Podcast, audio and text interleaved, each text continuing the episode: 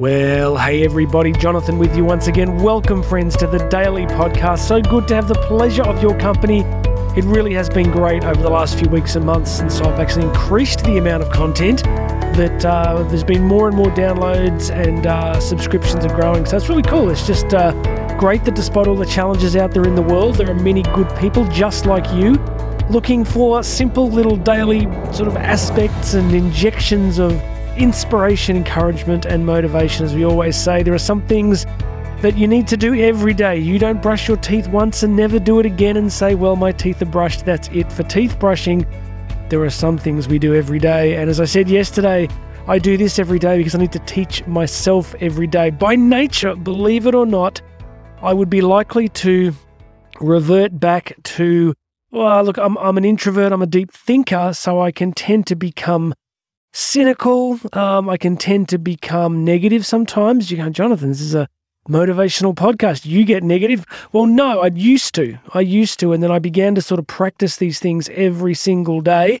And it's a little bit like going to the gym. You just keep showing up, you just keep doing the work. Over time, good things happen. I hope you've enjoyed some of the content over recent days. I really enjoyed doing it. There's been a bit of depth in some of those episodes. So I do hope you get a chance to go back and listen to some of them. Uh, if you were with me in the studio today, if you were, you would look at me and you would say, You don't look quite right today. And there's a reason for that, my friends, because about, uh, oh, I guess about an hour ago, I finished a 25 kilometer run. And finish is, is an optimistic, uh, uh I guess, uh, description of it, an embellished description. I don't know what happened. I completely imploded.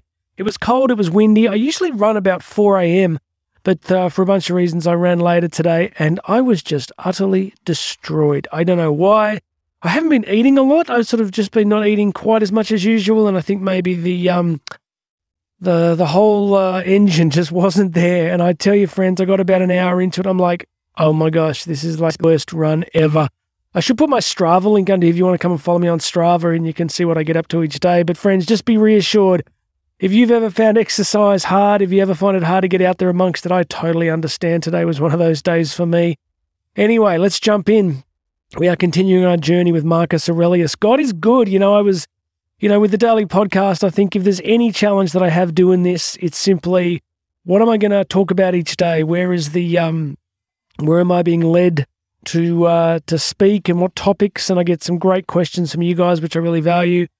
But, uh, you know, God's good. He just kind of shows up and gives you the things you need when you need them. And I came in today, uh, opened up my copy of Marcus Aurelius's Meditations, which we've been working through, and boom, straight away, there it was. A very simple quote. We're going to rip into it today. My friend, you and I today are going to talk about complaining.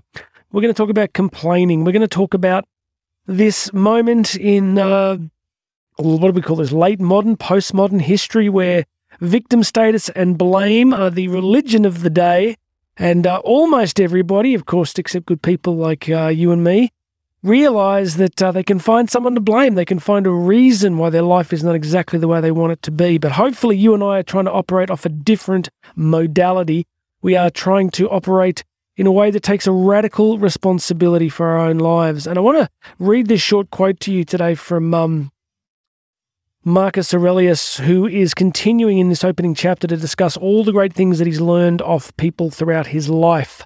So, if you're new to this journey with Marcus Aurelius, most days I'm just uh, looking into his uh, famous work, The Meditations, which of course wasn't really a work. It was nothing other than a private journal in which he put down key thoughts, and he never expected anybody would read it. Today, he's talking about what he has learned from his friend Maximus. Yesterday, we talked about um, resistance to distractions. And he says this it's one sentence doing your job without whining. Doing your job without whining. And that, that sort of triggered a whole cascade of thinking for me. It was like whining, complaining. It's like I came back from the run and I was like, Karen was like, How was your run? And I said, Well, next question.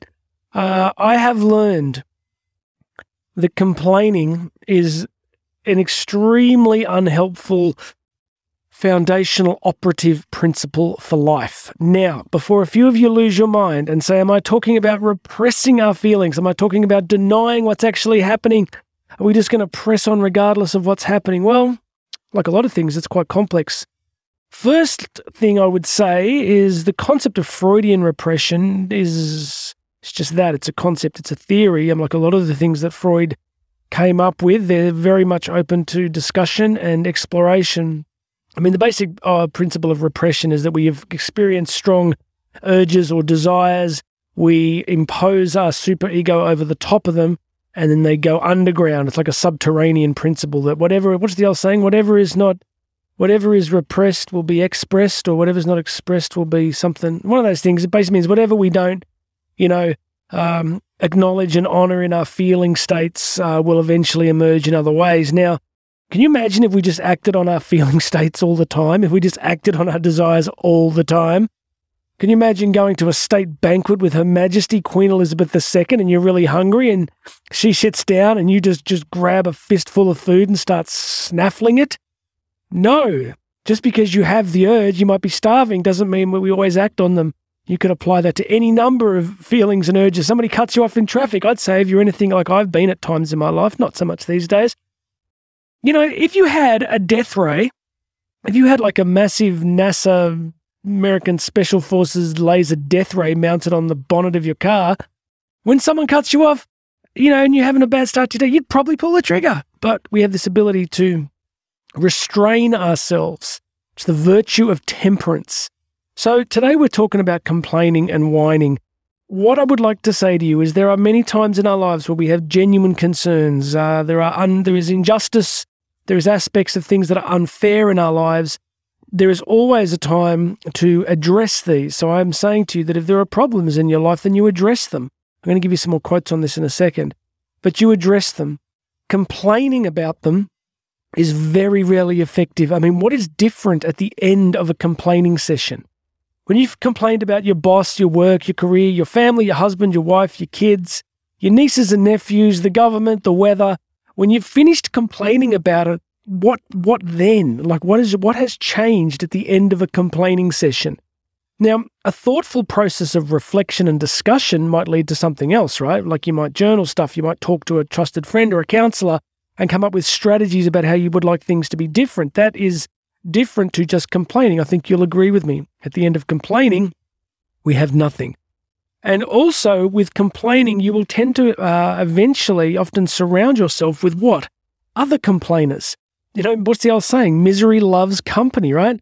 If you, uh, you've all been in situations in life, often in work environments, where people gather around the metaphorical water cooler of the office whatever form that takes these days, and uh, and complain and gossip and slander, and uh, you'll tend to surround yourself with similar people. And of course, these people are not what uh, Brian Tracy used to call superior people. And by superior, I mean better. I mean people just trying to operate at a higher level of life and contribution. Now, I want to give you some other quotes here I came across. William Arthur Ward uh, talking about this concept of, um, I guess, complaining says this the pessimist complains about the wind, the optimist expects it to change, the realist adjusts the sails. I thought that was very good. The pessimist complains about the wind, the optimist expects it to change, the realist adjusts the sails. So, friends, we are not going to run out of difficulties in life. We are not going to run out of them. They are going to be consistent. They're going to be, they're just going to keep showing up in different forms. Tony Robbins used to say that, you know, the, the benefit of success is that you just get a different scale of problem, right? It's like the more successful you become in life, your problems don't disappear. They just get bigger. They get different types and different qualities, more sophistication and nuance to them. So what um, Arthur William Arthur Ward is saying here is that you know a complaining pessimistic person just does nothing other than complain about whatever the reality is. The optimist doesn't really address it either and just expects that someday it's going to change and we'll just keep going. It's probably better than being the pessimist in that situation. But what we like here is the realist who goes, okay, this is the circumstance, this is the situation.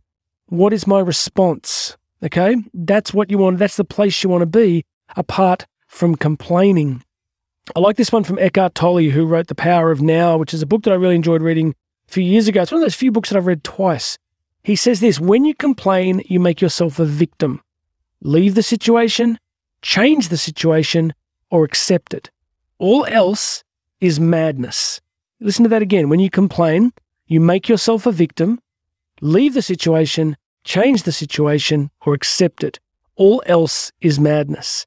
I like that. You know, some, so many times we put up with poor treatment indefinitely thinking it's going to change. But he's telling us here, rather than complaining endlessly, rather than, you know, stressing yourself and others out, you either leave it, you change it, or you accept it. There's three options, right? Leave the situation, change the situation. How do you change it? Most of the time by changing yourself. You want to change a complex system, usually the best place to do it is starting with yourself. I know it sounds like a platitude, but I think there's a lot of truth to it. I was listening today on my run to a great book by Kai Brett. Called Turning Right. And in that book, he's, um, you know, he's kind of a transformational culture guy in terms of high end corporate leadership. And he sort of says that, you know, you don't, you don't change organizations, you change people. You know, like people come in and go, we need to change the organizational culture. Well, how are you going to do that? You're going to put up a mission statement? Like you're going to change the, you're going to change the wallpaper? Like, you know, honestly, if you want to change an organization, a school, a business, a family, you change it not by dramatic, sweeping structural changes. We change it at the level of changing the leadership, usually, or helping the leadership to transform. You know, so in a family, you want to change things. You you know, you do it by doing things like stop criticizing, become a person that doesn't criticize, become a person that is encouraging and patient and kind and holds their peace on a regular basis. So you can see that there are so many options available to us other than complaining. So this started with Marcus Aurelius saying, you know, doing your job without whining. Friends, at least in this country at the moment, uh, unemployment is the lowest it's been in 50 years. So if you hate your job, yeah, there's plenty of options out there at the moment. So complaining isn't really going to do much. We we leave it, we change it, or we accept it. All else is madness. I like that. All right, so I'm not talking about burying stuff here, your feelings. I'm not talking about putting up with poor treatment. I'm saying that there are strategies available to you in life, and complaining is not going to do much for you. It's going to leave you pretty much in the same position. So as you go through your uh, go through your day, here's the practical part, right? As you go through the rest of this day or the evening, or if you're listening to this late at night uh, tomorrow, just catch yourself in the act. It's the number one thing that I teach people is the first step to any kind of transformational change is mindfulness. And I don't mean in the meditative sense, I mean mindfulness in, in the awareness of the internal dialogues in your mind, what is going on. Pay attention to what you're believing and saying out loud. Um, okay, that's it. So let's stop complaining. Let's stop. Let's just make it a thing that we no longer do. Um, I no longer, you know, drink gin before 10 in the morning. I'm joking. Um, there's things in my life that I've stopped doing. There's things in your life that you need to stop doing. Let's agree together today that uh, complaining is going to be one of those things you and I are going to double down on not doing anymore. All right, that's it. I keep saying that, but I keep going. Uh, taking the family to see Maverick again today. This will be a bit dated if people listen to this in a few years' time. But um, I think for my son, it's the fourth time. For me, it's the third. Our youngest daughter hasn't seen it yet. Uh, I like that film. I like going to movies and you kind of just get that escapism. There's so many challenges in our world, isn't there, at the moment? So many. And, and I think that movies haven't lost their magic. You can go into a movie theatre and shut the world out for a little while and just uh, enjoy a good story. So I'm going to go see Maverick for the third time. I wonder how it's going to end. I think I kind of know by now. Listen, you have yourself a great day. You have yourself a, a conscious, aware, happy day no matter what's going on. Let's not complain. All right. Love you guys. Praying for you all. Uh, please make sure you subscribe. I forgot all that stuff. The housekeeping. Please make sure you subscribe. Hit that subscribe button. Go and check out all the notes If you want to book me to come and speak, uh, you can get a free access pass to my book, Bridging the Gap. It's all here in the show notes. So please do that. My name's Jonathan Doyle. This has been the Daily Message, and you and I are going to talk again tomorrow.